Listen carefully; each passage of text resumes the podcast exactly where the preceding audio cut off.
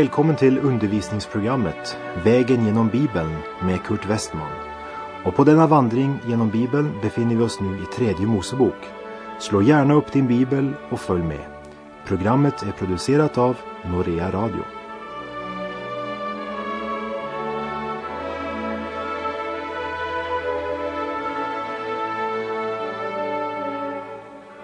På vår vandring, vägen genom Bibeln, har vi nu hunnit till tredje Mosebok kapitel 23, där temat är Herrens heliga högtider. Och det första vi ska lägga märke till det är att högtiderna var präglade av glädje och fröjd. Det var bara en högtid som var präglad av sorg och det var den stora försoningsdagen. Alla de övriga högtiderna var präglade av glädje, fröjd och gamman. Gud önskade inte att hans folk skulle träda gråtande fram inför honom annat än på den stora försoningsdagen. Men på den stora försoningsdagen markerades sorgen precis som när du och jag vid omvändelsen får vårt stora uppgör inför Gud och bekänner alla våra synder och missgärningar. Då är tårarna och sorgen över synden en naturlig del. Men för den som mottagit förlåtelse och blivit född på nytt till ett levande hopp, den har genom ordet och andens ljus fått se något mer än sin synd. Han har nämligen fått uppenbarat för sitt hjärta att han har en frälsare som är oändligt mycket större än hans synder. Och ju mera eländig och förtappad människans ställning var, desto större blir glädjen och tacksamheten. Därför ska vi nu se vad skriften vittnar om Herrens högtider. Och innan vi läser ifrån det 23 kapitlet bör vi kanske nämna att detaljerna för de flesta högtiderna återges på andra ställen i skriften. Men här omtalas högtiderna i tur och ordning efter Guds almanacka, det vill säga tider fastsatt av Gud. Kapitlet innehåller beskrivelsen av den inbördes ordningen på de sju stora periodiska högtider som Israels år var indelat i. Förutom sabbatsdagen så var det alltså sju periodiska högtider. Sabbatsdagen var ju ingen festdag på det sätt som de övriga högtiderna var, men är med för att visa oss det sätt på vilket Gud har valt att indela tiden. Dagar, veckor, månader. Sjutalet har stor betydelse i det här kapitlet. Dessa Herrens heliga högtider tjänade ett dubbelt syfte. Det var en förordning om hur de praktiskt skulle inrätta sitt år i förhållande till Herrens heliga högtider. Och det har en profetisk betydelse eftersom det ger oss en fullständig översikt över Guds handlande med Israel genom hela dess historia som vi ska se senare. Innan vi läser texten bör vi kanske nämna att det är inte alla olika högtidliga markeringar som omtalas i det här kapitlet. Sabbatsåret till exempel och jubelåret finner vi omtalat i kapitel 25 och firandet av nymånadsdagar i fjärde Mosebok kapitel 28. Vi läser ifrån tredje Mosebok kapitel 23, verserna 1 till och med 3. Och Herren talade till Mose och sade, tala till Israels barn och säg till dem, dessa är Herrens högtider, vilka ni ska utlysa som heliga sammankomster. Mina högtider är dessa.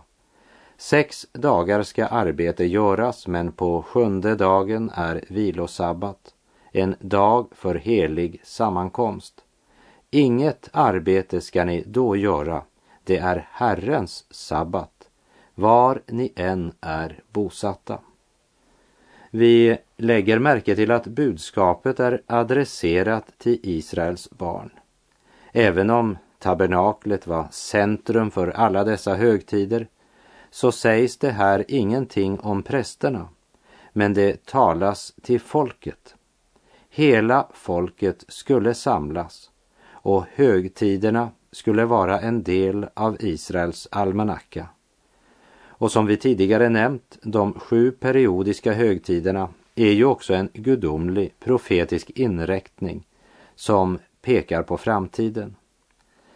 Det första, påsken, vers 4 och 5, talar om korsfästelsen och Kristi död. Den andra, det osyrade brödets högtid, vers 6 8, talar om den troendes gemenskap som bygger på Jesu Kristi försoningsstöd. Den tredje, förstlingaskörden, vers 9 14, talar om Kristi uppståndelse. Den fjärde, pingsthögtiden, vers 15–22 talar om den helige Andes utgjutande till utrustning av Guds församling och för att bevara den fram till Jesu Kristi dag. Det femte nyårshögtiden, eller basunhögtiden som den också kallas, vers 23 till 25, talar om Israel som får sitt land. Det är alltså en framtidsprofetia. Den sjätte, den stora försoningsdagen, verserna 26 till och med 32, talar om hela Jesu fullkomliga offergärning och pekar fram emot den sjunde högtiden som är lövhyddohögtiden, vers 33 till 36 och som talar om den kommande härligheten. Det var de sju periodiska högtiderna. Men eh, sabbaten står ju i en unik särställning i det här kapitlet och hålls utanför de sju periodiska högtiderna. Det kan vi se av vers 4 där Herren liksom börjar på nytt med orden Dessa är Herrens högtider, de heliga sammankomster som ni ska utlysa på bestämda tider. Och med det håller Gud sabbaten utanför de sju högtiderna. Att hålla vilodagen helig var något som hade sina rötter långt före Mose.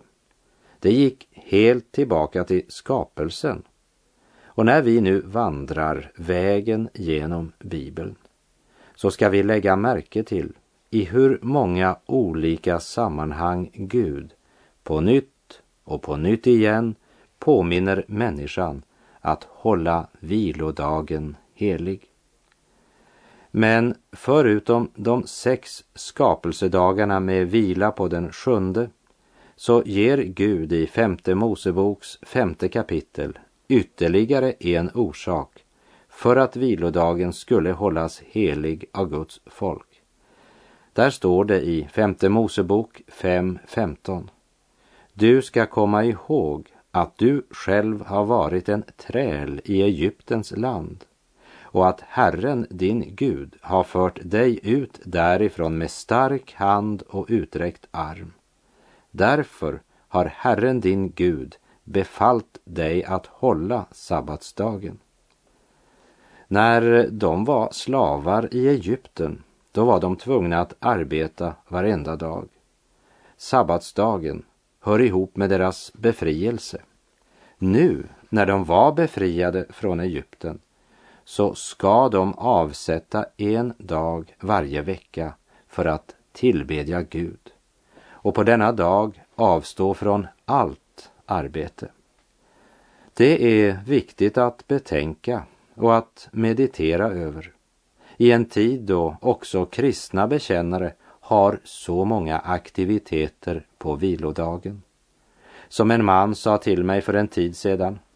Huvudsaken är att jag gör något annat än det jag vanligtvis gör på vardagarna. Men låt mig säga det är en djävulsk lögn. Huvudsaken när det gäller sabbaten är att den helt och fullt avskiljs för Gud. Apostlarna och de första kristna valde söndagen, veckans första dag, till den dag då församlingen samlades för att fira Herrens sabbat. Därför att det var dagen då Kristus uppstod. Det var vår frigöringsdag. Dagen då vår förlossning blev vunnen. Vi tackar och vi ärar vår frälsare genom att hålla söndagen helig, avskilja den för Gud, vila från vårt arbete och begrunda Guds gärning och vila i hans verk. Vid syndafallet förlorade människan sin rätta och sanna vila, men finner nu åter vila i förlossningen genom Kristus. Och i Hebreerbrevet påminner Gud om den fullkomliga, eviga vila som till sist väntar Guds folk och som sabbaten profetiskt pekar fram emot. Hebreerbrevet 4 säger så har Guds folk allt jämt en sabbat att vänta. Ty att gå in i Guds vila är att vila från sitt verk så som Gud vilade från sitt. Låt oss därför göra allt vi kan för att komma in i den vilan så att ingen bringas på fall genom samma slags ohörsamhet. Vår vila kommer genom förlossningen och endast genom den. Att äga syndernas förlåtelse och löfte om evigt liv ger vila. I Matteus 11, 28 säger Jesus Kom till mig, alla ni som är tyngda av bördor, så skall jag skänka er vila. Vila och förlossning är två sidor av vilodagens välsignelse. Vilodagen var ingen festdag. Den var bunden till veckan och var inte en årlig högtid. Det var inte en fest, men en fastsatt tid som regelmässigt skulle avskiljas för Herren.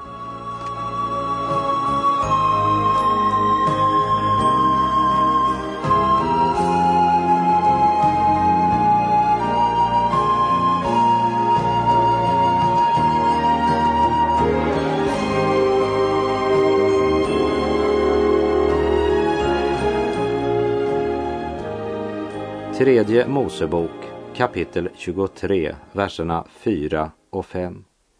Dessa är Herrens högtider, de heliga sammankomster som ni ska utlysa på bestämda tider. I första månaden, på fjortonde dagen i månaden vid aftontiden, är Herrens påsk.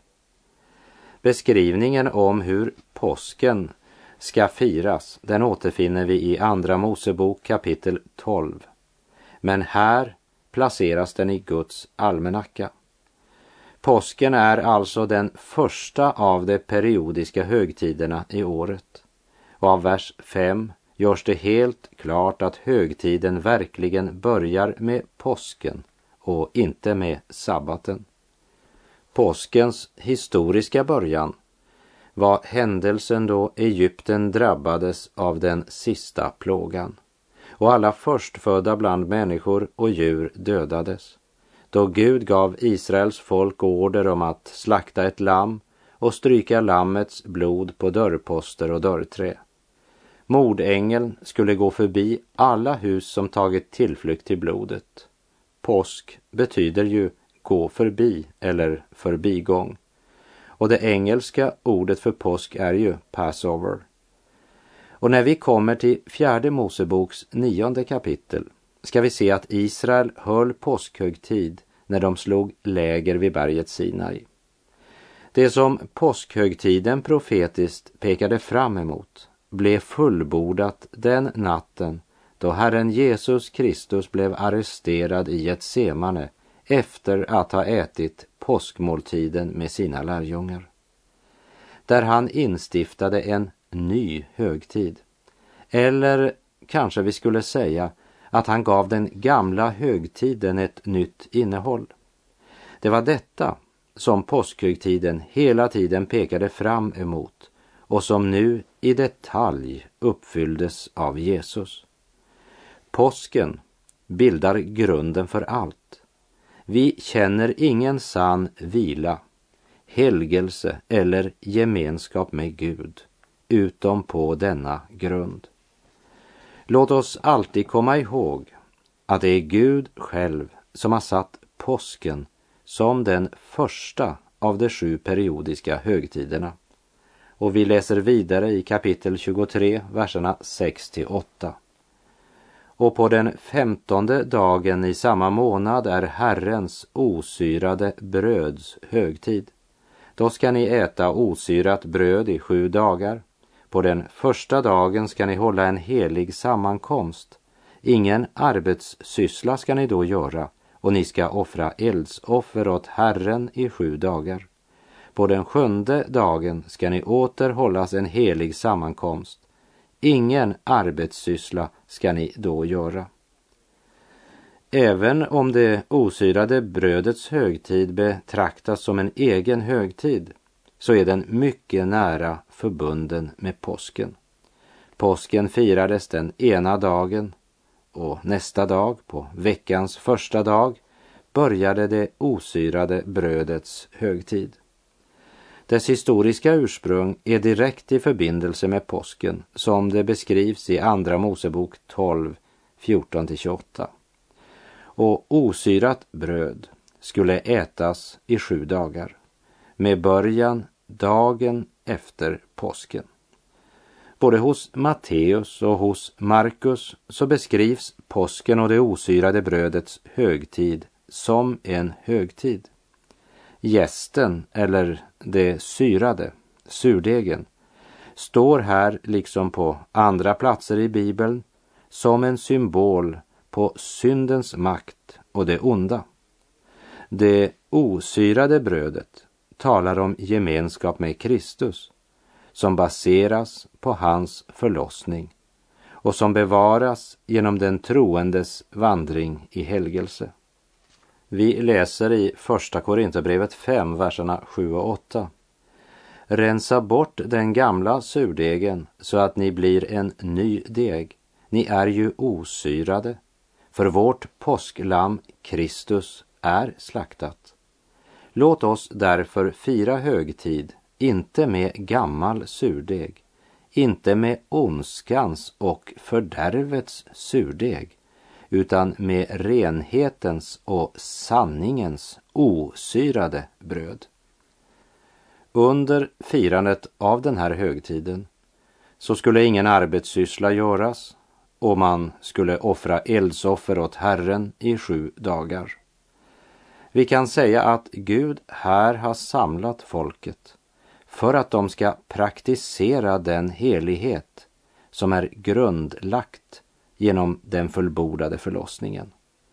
Ingen arbetssyssla ska ni då göra och ni ska offra eldsoffer åt Herren i sju dagar.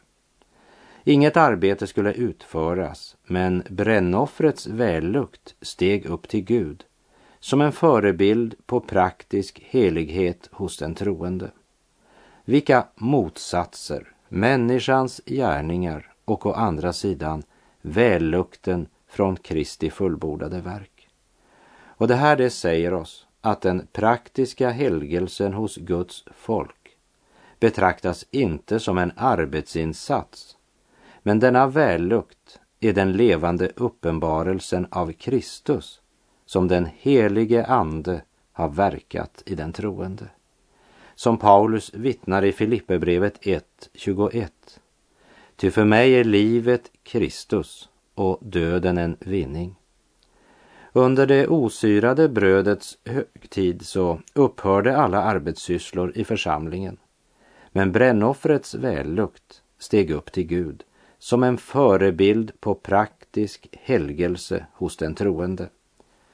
Den troendes liv skulle inte bestå i hans strävan och arbete, men genom att han alltid genom den helige Andes kraft visade till Kristi liv.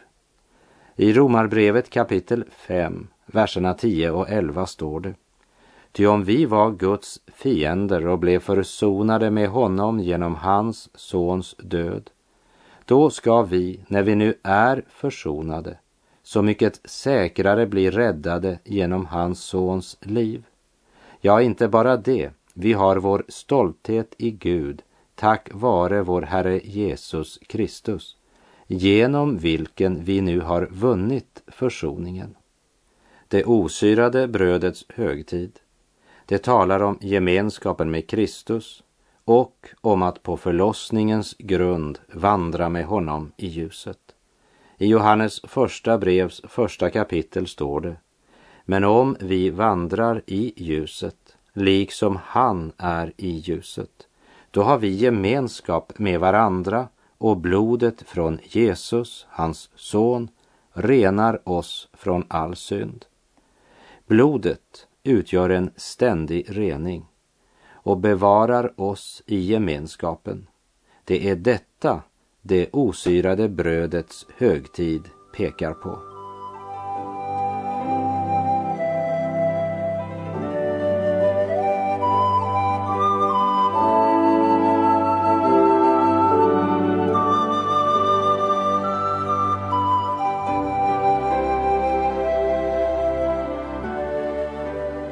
Tredje Mosebok 23, verserna 9 till 11. Och Herren talade till Mose och sade, tala till Israels barn och säg till dem, när ni kommer in i det land som jag vill ge er och ni bärgar in dess skörd, då ska ni bära till prästen den kärve som är förstlingen av er skörd. Och den kärven ska han vifta inför Herrens ansikte för att ni må bli välbehagliga. Dagen efter sabbaten ska prästen vifta den. Detta kunde ju inte praktiseras förrän de kommit in i det land som Herren hade lovat dem och efter att de hade sått och så skulle skörda den första skörden. Kärven som var förstlingen av skörden skulle bäras till prästen. Han skulle vifta den inför Herrens ansikte, det vill säga man skulle hålla fram förstlingen av skörden inför Guds ansikte och när man gjorde det blev man välbehaglig inför Gud. Och här ska du speciellt lägga märke till det som står i slutet av vers 11.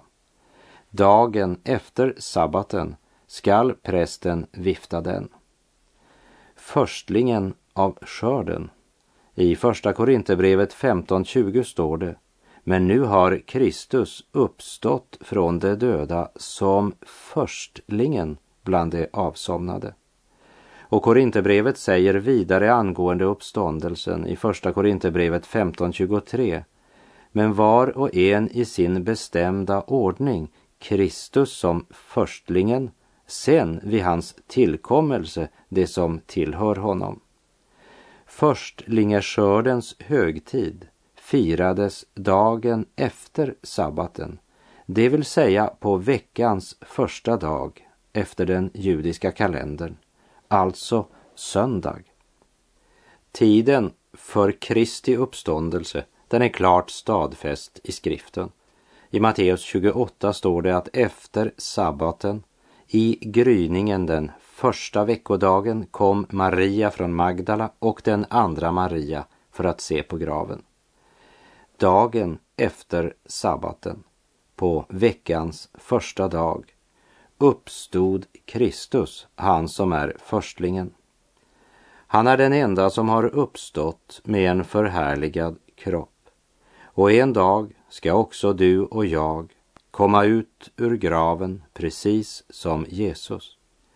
Men här måste vi säga att det är en väsentlig skillnad på den troendes uppståndelse och den icke-troendes uppståndelse. Bered dig att möta din Gud. Om du önskar studera ämnet uppståndelsen så bör du läsa ifrån Första Korinthierbrevet kapitel 15, verserna 20 till och med 56 och i Första Thessalonikerbrevets fjärde kapitel. Och Romarbrevet 8.11 hör också med när det gäller det här ämnet. Där står det om hans ande som uppväckte Jesus från de döda bor i er, så skall han som uppväckte Kristus från de döda göra också era dödliga kroppar levande genom sin ande som bor i er. Och i den norska trosbekännelsen heter det i den tredje och sista delen Jag tror på den helige Ande, en helig allmän kyrka, det heligas gemenskap, syndernas förlåtelse, kroppens uppståndelse och ett evigt liv. Detta klara uttryck, kroppens uppståndelse, borde vi få tillbaka också vi i vår svenska trosbekännelse. Liksom vid förstlingefruktens högtid, där viftoffret förkunnade att den skörd senare skulle efterföljas av en annan skörd, så förkunnar uppståndelsen av Kristus, förstlingen, att det uppstår ännu en skörd och det är Kristi församling. Vi läser i kapitel 23, verserna 12 till 14 i tredje Mosebok. Och på den dag då ni låter vifta kärven ska ni offra ett felfritt årsgammalt lamm till brännoffer åt Herren och som spisoffer dessutom två tiondels efa fint mjöl, begjutet med olja, ett eldsoffer åt Herren till en välbehaglig lukt. Och som drickoffer dessutom en fjärdedels hin vin. Och ingenting av det nya, varken bröd eller rostade ax eller korn av grönskuren säd skall ni äta förrän på denna samma dag inte förrän ni har burit fram offergåvan åt er Gud. Detta ska vara en evig stadga för er från släkte till släkte, var ni än är bosatta. Det var tre olika offer som hörde samman med firandet av förstlingeskördens högtid. Förutom kärven av förstlingen av skörden. Och dessa offer ska uttrycka folkets tacksamhet. Och de tre olika offren ska förkunna för folket att alla goda gåvor kommer från Herren Gud. Det är han som har välsignat deras dagliga arbete och gett dem vad de behöver. Och därför ska ingen smaka på det skördade kornet förrän de uppräknade offergåvorna, tackoffergåvorna, är lagda på Herrens altare. Högtiden där man bär fram den kärve som är förstlingen av skörden, är högtiden som firades på veckans första dag och som förkunnar Kristi uppståndelse. Tack Gud för ljusa morgonstunder, tack Gud för varje nyfödd dag. Herre, för alla livets under, ödmjukt tackar jag. För alla goda vänner, tack Gud för din förlåtelse. Herre, om människors hat mig bränner, hjälp mig för dem be. Tack Gud för sorg som fostran giver, tack Gud för varje vänlighet. Herre, din kärlek gränslös all evighet. Och med den jublande tacken från de sångglada ungdomarna som kallas för ynglingarna så säger jag tack för den här gången. I nästa program ska vi fortsätta att se på Herrens högtider och vilken nytestamentlig verklighet de pekar fram emot. Herren vare med dig. Må hans välsignelse vila över dig. Gud är god.